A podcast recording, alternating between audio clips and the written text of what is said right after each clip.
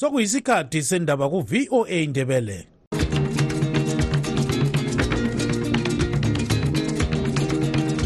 amatshono zihlobo siyalamukela kuhlelo lwethu lwezindaba eziphathelane lezimbabwe. Kustudio 7 eyevoice of america sisakaza sisewashington dc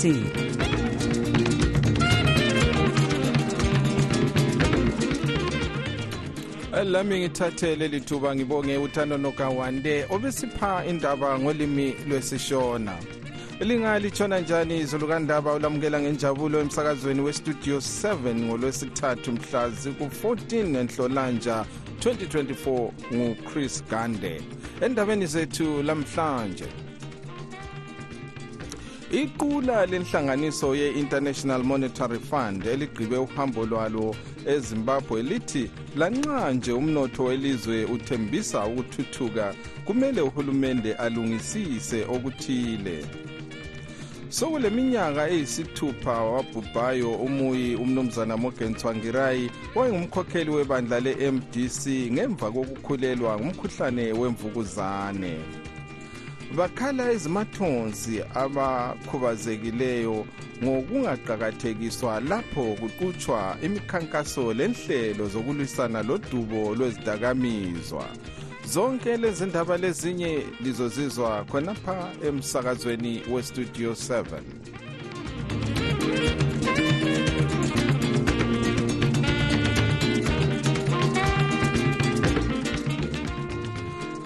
iqula lenhlanganiso ephathisa amazwe asathuthukayo ngemali ele-international monetary fund seligqibe uhambo lwalo kwelezimbabwe. Leli qula lithi lanxa nje umnotho welizwe uthembisa kumele uhulumende alungisise iziqondiso zakhe lemithetho ikakhulu ezokubuthanisa lokusetshenziswa kwemali. Abe-imf bathi ezikhona iziqondiso yizo esezidale ukuba idola lezimbabwe ligugudeke ngesiqubu esethusayo ngoba kungakhulunywa iqiniso ngesisindo salo nxa liqathaniswa ledola lemelika. Okuningi asikuzweni kumlondolozi ndlovu eseharare. Lokhu kuphume emhlanganweni owenziwe phakathi kwesiphathamandla se-imf umnumzana watchseish mali zeweski lo mphathintambo wezemali umnumzana mthuli ncube.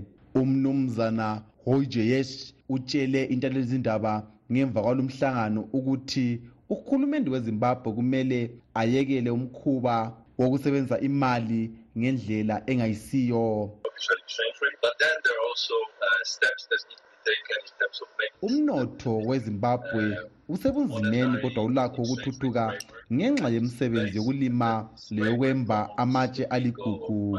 Uthi njalo imali ethunyelwa yizizalwane zelizwe ezisebenza emazweni angomakhelwana laphetsheya kolwandle. Ngokunye okulakho ukuncedisa ekuthuthukiseni umnotho uncube uthi inkulumo phakathi kukahulumende labe-imf zihambe kuhle kakhulu njalo bayemukela inkuthazo lamacebo abawatholileyo. Sasixoxe ngokunene asiqalisanga namhlawumbe silesikhathi i-imf ilapha okwamaviki ingcitshi zezomnotho zithi loba nje ukukhanya umnotho welizwe udonsa nzima kubalulekile ukuba uhulumende afunde ukusebenzisa imali ngemfanelo njalo aphungule inani labaphathintambo bakhe ukuze alondoloze imali enye yalezi ncitshi ngumnumzana rejoyce ngwenya osebenza lenhlanganiso ye-coalition for market and liberal economics othi udubo olukhona yikuthi uzulu kasamthembi uhulumende wezimbabwe. Lo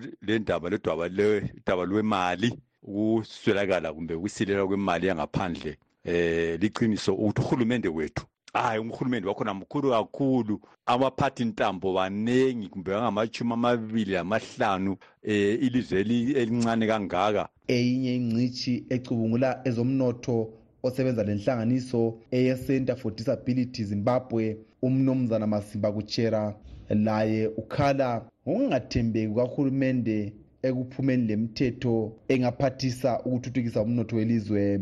Kuzaba nzima ukuthi uhulumende awenze ngoba i-economy isihijekwe ngama-cartels labo ababhenefita from eh, i-currency distortion. Inhlanganiso ye-imf ithi umnotho kwele zimbabwe uzancipha ngokuyisilinganiso esedlula kancane okuthathu ekhulwini i-3.4 percent. Uthuthuke ngokuyisilinganiso sokwedlula kancane okuhlanu lengxenye ekhulwini i-5.3 percent nyakenye elezimbabwe. Lilezikwelete zamabhanga lezinye inhlanganiso efika phose amabhiliyoni angamachumi amabili 18 billion. Uma kubalwa lesehluleka ukuhlawulwa esibizwa ngesilungu kuthiwa ngama-arias ngimele istudio 7 ngiseharare ngimlondolozi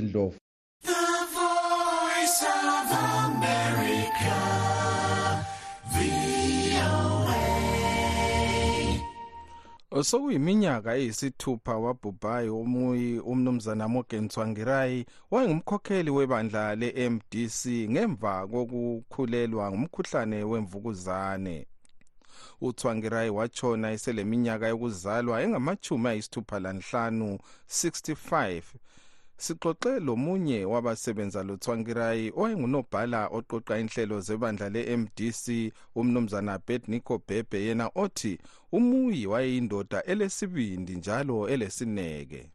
Ubaba utsvangirai um ngumuntu engitshengezelayo isikhathi eside kusela ngo-two thousand um isiba ngupresident we-m d c. Um lami ngakhula ebandleni utsvangirai ngumuntu okade ekwazi ukuthi nxa esebenza labanye yebo ye empilweni ngaba lalokhu lalokhuya but wayekwazi ukuthi empilweni azize isikhathi sokulalela umuntu. Njalo wayezimisele kwistrategy sezimbabwe um alibana ngiyathemba ukuthi alibana ngawukhona um ngibone ngani um ilizwe leli nga i-politics zangikhona especially the opposition. Mbonani ebezoziqhuba ngendlela enhle siyamkhumbula-ke namhlanje um nxa simkhumbula siyabe sikhumbula izenzo zakhe zokuthi she was ubengumuntu okade ezimisele kwi-strategy sezimbabwe uze wavula ezimisele kwi-strategy sezimbabwe um hhayi mina ngingathi yindoda emadodeni ngasemakhaya um yindoda eliqhawe ebuqhaweni bokuthi nxa sathi um silwa from ku-trade union size siyefika ngamapolitiki. Liqhawe ekade libela abantu liqhawe ekade libela abampofu liqhawe ekade libela um labana abakuthiwa ngabemzini kodwa bona bengabezimbabwe ubesilwa-ke ngaleyo ndlela. Umuntu okade ezimisele siyamkhumbula-ke fourteen february twenty twenty four ngiyakuzwa lapha uyakhuluma ukubana njengomuntu wonke laye wayelamaphutha akhe. Kodwa bakhona abathi iphutha elikhulu alenzayo yilo elibangela udubo olukhona lamhlanje iphutha lokuthi akhethe abanye abasekeli bakhe. Khona kuvele kulomunye wayevele khona ekhethwe kucongress. Yikho sekubangele ukuthi sibe khona esikhona ke lamhlanje. Uthini wena ngakho? Mina ngingathi njengoba ngithile ukuthi um ngangikhuluma ngamaphutha ukubona kwabantu abantu jikelele ilizwe lonke kumbe abantu jikelele abe-opposition asiboni ngendlela efananayo kodwa-ke engamthandela khona ukuthi um wayekwazi ukuthi after that singabe singazange senze into ethabisa kumbe into within the structure le-constitutional party wayekwazi ukuthi abuyise abantu ndawonye abeyathi hayi madoda laphana mbona ngani ngani ngaphambanisa he was one person engingamtsho ukuthi uyavua mina kimi empilweni yami ngisebenza layo siyazinatha ilapha madoda mayingazi kodwa sisebenzeli i can attest to that lo-ke ngumnumzana bednico bhebhe owayengumnobhala oqoqa inhlelo zebandla le-mdc engomunye wabasebenza lomuyi umnumzana morgan richard twangirai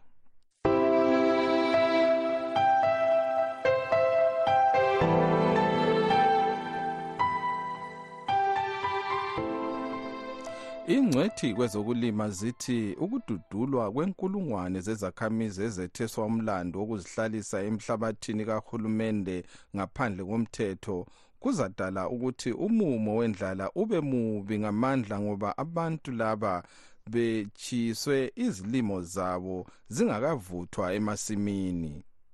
Uhulumende uxotshe izakhamizi lezi endaweni ezitshiyeneyo zelizwe ezigoqela egwanda emaswingo ekaroyi lasechipinge lapho amapholisa athi asebophe khona abantu abazinkulungwane phose ezine 3775 phakathi kwabantu laba abafika phose inkulungwane eyodwa 985 batholakale belecala yimthethwandaba njalo bagwetshwe ukupika okwenyanga eziyisithupha kumbe ukuhlawula ifayindi yekhulu lamadola emelika i-us 100 dollars. Elezimbabwe libhekane lendlala embi lonyaka njalo sikhuluma nje abantu abafika phose izigidi ezintathu 2.7 million badinga usizo lokudla oluphuthumayo. Untungameli nkomo westudio 7 uxoxe lengcwethi kwezokulima udr freedom mazwi yena osebenza lenhlanganiso yesemoyo african institute of agrarian studies njalo efundisa e-university of cape town kwele south africa. Liqiniso ukuthi ukududulwa kwabantu lokhu kuzabangela abantu ukuthi baswele ukuthi bephile njani sikhangele izimbabwe nthemba siyazi sonke ukuthi khona from 2000 bekungela misebenzi so abantu abaningi bebephephela besiya ngaphandle kwamanye amazwe abanye besiya bebuyela emakhaya ukuze bathole um ukuphila nxa sihlolisa lathi sihlolisa sikhangele ukuthi abantu bebezi baphila njani. Sibona ukuthi emakhaya ngapha kuqakathekile. So kuzayenza ukuthi abantu behluleke ukulima behlele ukudla. Kulabantwana besikolo njalo kumele sicabange ngabo. So ye luhlelo luzaphazamisa ukuphila kwabantu. Singathi ukuxotshwa kwabantu lokhu kuveza yini ukuthi uhlelo lokwaba kutsha umhlabathi kaluqhutshwanga ngendlela njengokutsho kwabanye? Okwenzakalayo lokhu kukhombisa ukuthi ngezinye indlela uhlelo lokwabiwa kwabantu umhlabathi lungabe lama-gaps here and there lama-weaknesses. Ngasikhangelisa kuhle uhlelo lolu iplani yenzakala after resettlement ayenzakalanga before. Mthemba siyaziyo ukuthi kathesi kule land audit eyenziweyo uhulumende athesi iphelile so kathesi indaba ebesikukhangele ukuthi sizwe uhulumende labantu bekukhuluma lakho yikuthi umhlabathi lo ongasetshenziswayo uzanikwa labo abantu abakhitshiwe labo behle befake waiting list ngoba umuntu wonke as per umthetho welizwe i-constitution umuntu kumele abe le ndawo yokuhlala le ndawo yokulala. So ludaba lumele lulungiswe sibili lukhangelwe phansi nguhulumende abantu lathi thina abantu nxa singosobhuku lathi asenzeni izinto ezilungileyo. Umnumzana freedom mazwi yingcwethi kwezokulima isebenza lenhlanganiso yesemoyo african institute of agrarian studies njalo efundisa ekolitshini le-university of cape town kwele south africa. Ubexoxa ecingweni lontungameli nkomo westudio 7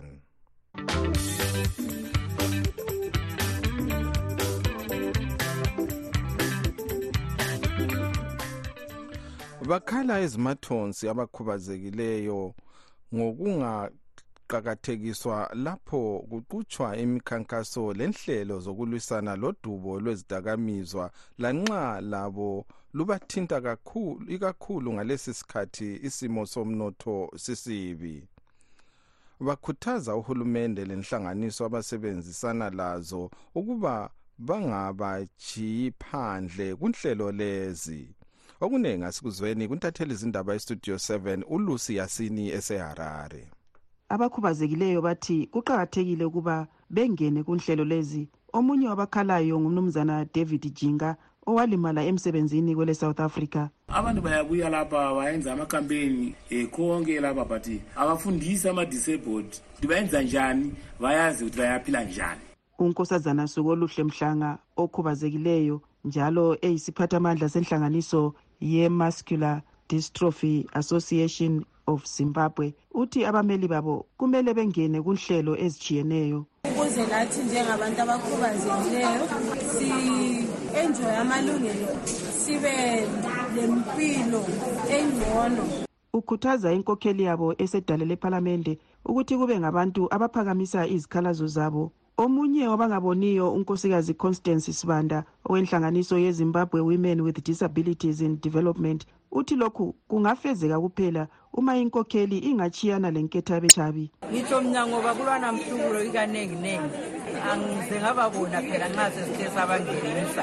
Njalo kukalutshwana ukuthi yona uthi la uvela komunye umhlubulo uthi ake lingikhangele phela bakukhangela omunye wabasakhulayo oligqwetha eliphatheke kwezokulwela amalungelo oluntu ikakhulu abakhubazekileyo u-abraham mathetha uthi indlela esabalaliswa ngayo ulwazi lokulimukisa uzulu ngengozi yodubo lolu kayilotshwa ngendlela eqondileyo. Njengomzekeliso uzathola ukuthi kumakhampeyini amaningi ayenziwayo kuyabe kungela muntu kumbe abantu abasebenzisa i-sign language. Kube sokuchiya abantu abangezwayo endlebeni bengazi ukuthi kuhamba njani. Kulabantu abaningi abangaboniyo abangasoze bethole umbiko lo ngendlela okumele utholwe ngayo. Isikhulumeli sogatsha lwezemfundo yeprimary lesecondary umnumzana thawungana ndoro uthi bayingxenye yomanyano abawubiza ngokuthi yi-national task force against drug and substance abuse. Ngakho-ke kakho ochiywa phandle enhlelweni lezi. Anti-drug and substance abuse ine-national committee inemaphatho akawanda drug and substance abuse ile committee yabantu ilizwe lonke abavela kungatsha zonke hatshi olwe-primary and secondary kuphela. Batholakala izimbabwe yonke ngoba sekwananzelelwa ukuba kuludaba oluyingozi kwezomvikela welizwe. Lumsakazo kawusanelisanga ukuzwa okuvela kumqondisi wohlangothi olubona ngendaba zabakhubazekileyo kugatsha lwezisebenzi lenhlalakahle kazulu udokotela christine beta obengaphenduli umakhalekhukhwini. Ngimele istudio 7 ngiseharare ngingulusi yasini.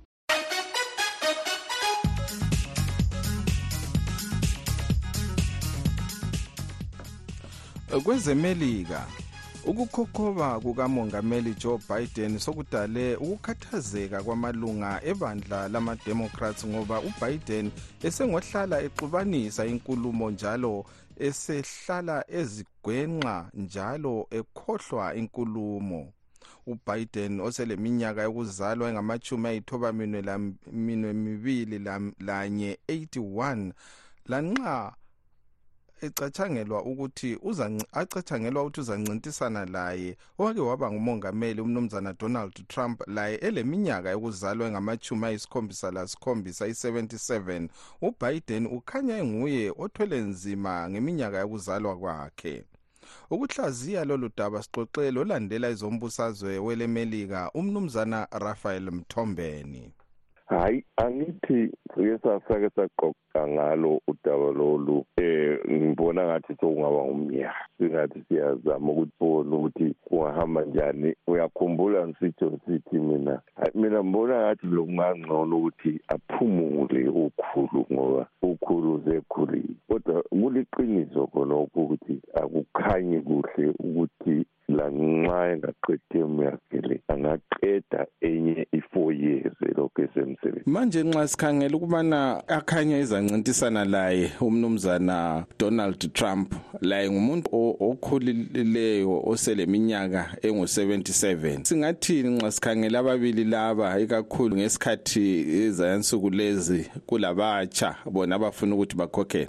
Khonokho okukhulunywa ngulo umama wancintisana laye uhaley kuliqiniso sibili ukuthi laye vele kakusela lutho. Usengukhulu nje ukuthi angangena uzabe sekuwo-eighty khona ngale nxa eseqeda umsebenzi. Ithemu yakhe le ayilwisayo kanti bona bobabili mina ngokubona kwami ngibona ngathi abantu osokumele ukuthi ngabe bayaphumula bayayekela lokhu abakwenzayo bakhangela okunye empilweni zabo baphumule. Kuyenzakala yini ukuthi kukhethwe omunye owebandla lama-democrats? Mina mbona ngathi okungenzakala ukuthi isikhathi sikhona. Ye mina ngokubona kwami baba kanti ngibona ngathi isikhathi sisesekhona. Isikhathi ngibona ngathi sikhona ukuthi nxa kuyikuthi bona ama-democrats engavumelana bakhethe omunye umutsha ongangena ancintise ngoba nxa ngikhangele mina ngibona ngathi kungangena umuntu omutsha ohlakaniphileyo bese kusithi lo utrump alele khona. Lo mutsha ubeza nqoba ngoba abantu vele ungakhangela lokho kuthiwa ngama-polls bayasola khonokho ukuthi akuhambelani khona lokho ukuthi laba madoda asemadala lapha emsebenzini. Lo-ke ngumnumzana rafael mthombeni olandela izombusazwe welemelika. Ubexoxa icingweni lestudio 7 esetexas khonapha kwelemelika.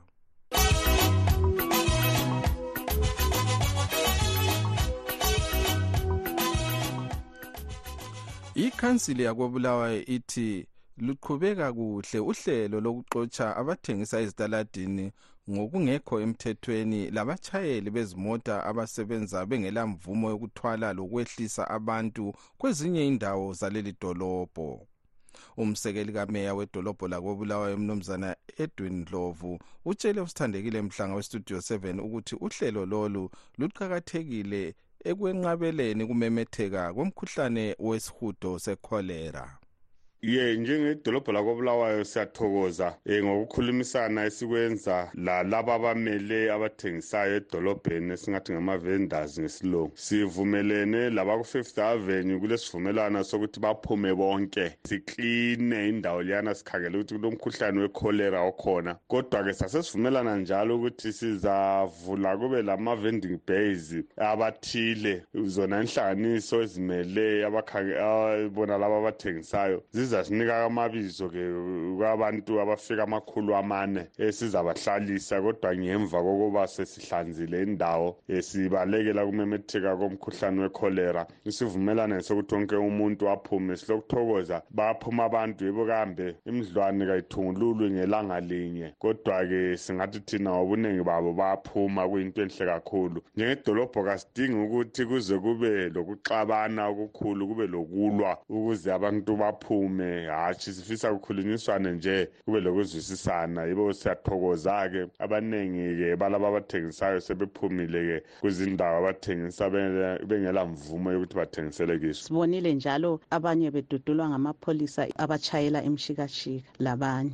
Uhlelo luhamba kuhle yini? Lapho libambisana. Um njengedolobho lakobulawayo sikhangele kumemetheka komkhuhlane wekholera um ilizwe lonke lakumanye amazwe um emzantsi afrika. Sithe thina kumele sisebenzelane ndawonye. Savumelana ukuthi abathengisa ezindaweni ezingavunyelwayo kumele bakhitshwe lalaba bezimota zemshikashika njalo kumele bakhitshwe ngoba lapho abakhona bethwala ngungekho emthethweni. Kuletha abantu abaningi abazabuya bezothengisa khona lapho ngoba bekwazi ukuthi abantu sebegadela khona lapho um besokungcolisa idolobho kubangele kumemetheka komkhuhlane wekholera yikho sisasebenzisana-ke leziphathamandla zonke ezikhangele ngokuvikela ilizwe lokuvikela ubulawayo ukuthi abantu basuswe. Ngokunjalo basuswa abantu bemshikashika sithi thina abathengisa ezindaweni abangavunyelwanga ukuthi bathengise kizo kabasuke. Um laba abathwala abantu abemshikashika ezindaweni ezingavunyelwananga kabasuke bonke esingathi bayenza-ke esingathi ngesilungu ama-illegal activities edolobheni lakobulawayo kabasuke. Kulokho siyavumelana-ke asohlelo lwedolobho lakobulawayo kuphela kodwa sisebenzisana labantu bonke ukuthi silungise khona lokho. Lo-ke ngumsekeli kameya wedolobho lakobulawayo umnumzana edwin ndlovu. Usithandekile uphinde waxoxa lesikhulumeli samapholisa kobulawayo umnumzana bednico ncube yena othi uhlelo lokuthathela izimota abangalandeli umthetho luqhubeka kuhle kuleli dolobho kodwa lwaluvele lukhona njalo alulethwanga ikhansili. Umuntu ma ngathi obani kababotshwe bayawona. Kanti amapholisa lawo alohlelo lokuzobopha usungakubambanisa ukuthi awusobhuku ukhulumile ukuthi abantu bazabotshwa mina njengomkhulumeli wamapholisa ngithi amapholisa ayenza umsebenzi wawo. Whether i-council is there or not there i-offense izahlala i-offense. Thina sisebenza singamapholisa kuphela. Ngezinye indlela labathengisa ezitaladeni ngokungekho emthethweni lingababopha. Thina siyemfosa imithetho ebhaliweyo. Singavula ibhuku lemthetho lithi into enje ayenze yaphambanisa uyakwanisa ukubotshwa kodwa kwakathesi asikho khona lapho. Lo-ke ngumnumzana abednico ncube isikhulumeli samapholisa edolobheni lakobulawayo obexoxa icingweni losithandekile mhlanga westudio 7 ekhonale kobulawayo. Zimbabwe. Inhlanganiso yamazwe omhlaba ebona ngezempilakahle eye-world health organization who ithi izimbabwe ngeyesithathu emazweni awesadak elabantu abaningi asebebulewe ngumkhuhlane wesihudo esekholera. Imalawi yiyo elabantu abaningi landelwe yizambia. Kumbiko wayo owethulwe kuyona le iviki i-who ithi umkhuhlane lo usuhlasele amazwe angamachumi amathathu 30 umbiko wogatsha lwezempilakahle uveza ukuba izolo umkhuhlane lo ubusubulele abantu abangamakhulu amahlanu lamachumi amabili lasithupha 526 izakhamizi zithi ukuswelakala kwamanzi edolobheni lobuyanga ngokunye kokubangela ukumemetheka komkhuhlane wesihudo sekholera. Ukuhlaziya lolu daba utabo kancube westudio 7 uxoxa lo wayengumgcinisihlalo wenhlanganiso yezakhamizi kobulawayo eyebulawayo progressive residence association umnumzana ambrose sibindi ananzela ukuthi siyathola umbiko ovela ku-world health organization othi nxa sikhangele ngapha kumhlubulo wesadik khayo ngathi izimbabwe ngeyinye phose ingaba unamba ilezwe lesithathu elile elilama-cases abantu ababulewe umkhuhlane wekholera abaningi. Um lokho kuyasitshengisa ukuthi kukhona esingakubambi kuhle ngoba singananzela kakhulu ikholera indlela etshengisa ukuthi kuyabe kulokungahlanzeki kwabantu kuleso sigaba esingathi ngeyi-personal hygiene kodwa njalo kupheleli khonapho kuyangenisa uhlupho lwamanzi ukuthi amazwe amaningi alamanzi angahlanzekanga. Ayavuma ukuthi abantu begcine behlaselwa yilowo mkhuhlane. Um njalo futhi sinanzela ukuthi amazwe lawa kumbe amadorobho abela ukuthi nxa elama-sewer pipes lamanzi nxa kungatshebana kwenza lo mkhuhlane umemetheke. So ngamafitshane sizama ukuthi njengezimbabwe sithula lapho esingabambi khona indaba yethu so fanele sinanzele ukuthi ezempilakahle siyaziqakathekisa um abantu bafundiswe futhi ukuthi nxa ukuthi nxa besenza ukuthi baziphathe njani bangena ezambuzini bageze izandla konke lokhu yimfundiso yabo neshotayo ebantwini. Yikho sibona ungathi lumkhuhlane ezimbabwe khanya uyaqansa okwedlula phose amanye amazwe amaningi kulomnyaka umkhuhlane lo uqalile eh ukuhlasela eZimbabwe eh libona sengathi amanyathelo athethwe lilizwe singabona emisa umkhuhlane lo na ngalesi sikhathi ususabalele wagcwala phose izabelo zonke zelizwe? Sinanzela ukuthi okwalo umnyaka sokulesikhathi kuleside um lumkhuhlane ezimbabwe belisana lawo. Kodwa sekunanzela kakhulu yikuthi sibona ungathi asifike esibangeni esiso sibile singasincedisa kungani? Ngabona into esiyibona iluhlupho kuluhlupho kuyibuyanga abantu balobuya ngobukhulu ezimbabwe. Umuntu ongumyanga ucina esidla loba kuyini ongavalanga kudle ehlento ezingahlanzekanga uthi umuntu omunye sesidobho ezinye izinto ezingcolileyo khonakhwana kunye kuluhlupho okwesibili luhlupho lwamanzi singananzelela indawo ezinjengezimbabwe emadorobheni lalapha kobulawayo amanzi asihlupha kakhulu kobulawayo la. Wananzelela kathesi kuyaphela one and twenty hours ngelamanzi for the five days amanzi engekho okwesithathu engxenye labantu bethi imfundiso ayifika ithi khoco kibo abantu abakafunda abakazwisisi ukuqakatheka ukuthi umuntu angene ezambuzini um ageze ageze izandla zakhe. Ngepersonal hygiene yomuntu? Kuyiwa phambili kuyini okumele kwenziwe? Fanele siqhubeke le mfundiso ekhanyisa ingathi lethwa kathesi ibe khona la. Nxa umkhuhlane usuyehlile uhulumende wezimbabwe singami ukufundisana ngoba isikhathi nxa ungayehla siyarelaxa sesingasafundisani ngibona ngathi kokusibangela lolu hlupho lalo mkhuhlane wekholera ukuthi kubumemetheke usiya phambili. Lo-ke bekungumnumzana ambrose bindi owayengumgcinisihlalo wenhlanganiso yebulawayo progressive residence association obexoxa lo tabo kancube westudio 7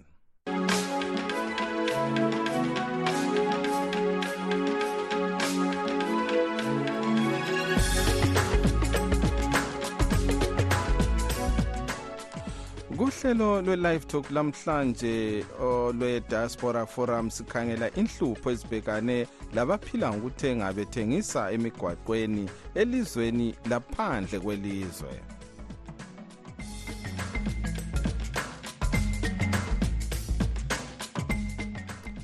Isikhathi kasavumi uba siqhubeke sonke kodwa singakehlukani-ke sikhangele ezinye zenhloko zendaba ebezikhokhela iqula lenhlanganiso ye-international monetary fund eligqibe uhambo lwalo ezimbabwe lithi nxa nje lanxa nje umnotho welizwe uthembisa ukuthuthuka kumele uhulumende alungisise okuthile. Sokuyiminyaka eyisithupha wabhubhayo umuyi umnumzana morgan twangirayi owayengumkhokheli webandla le-mdc silugqiba-ke lapha uhlelo lwalamhlanje igama ngochris gande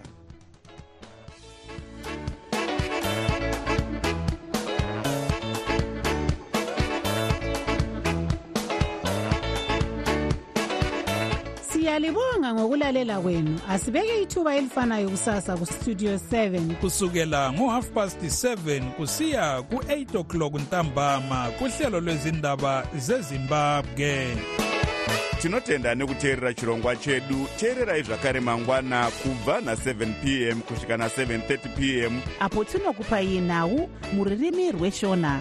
Lilani. Murara zvakanaka mhuri yezimbabwe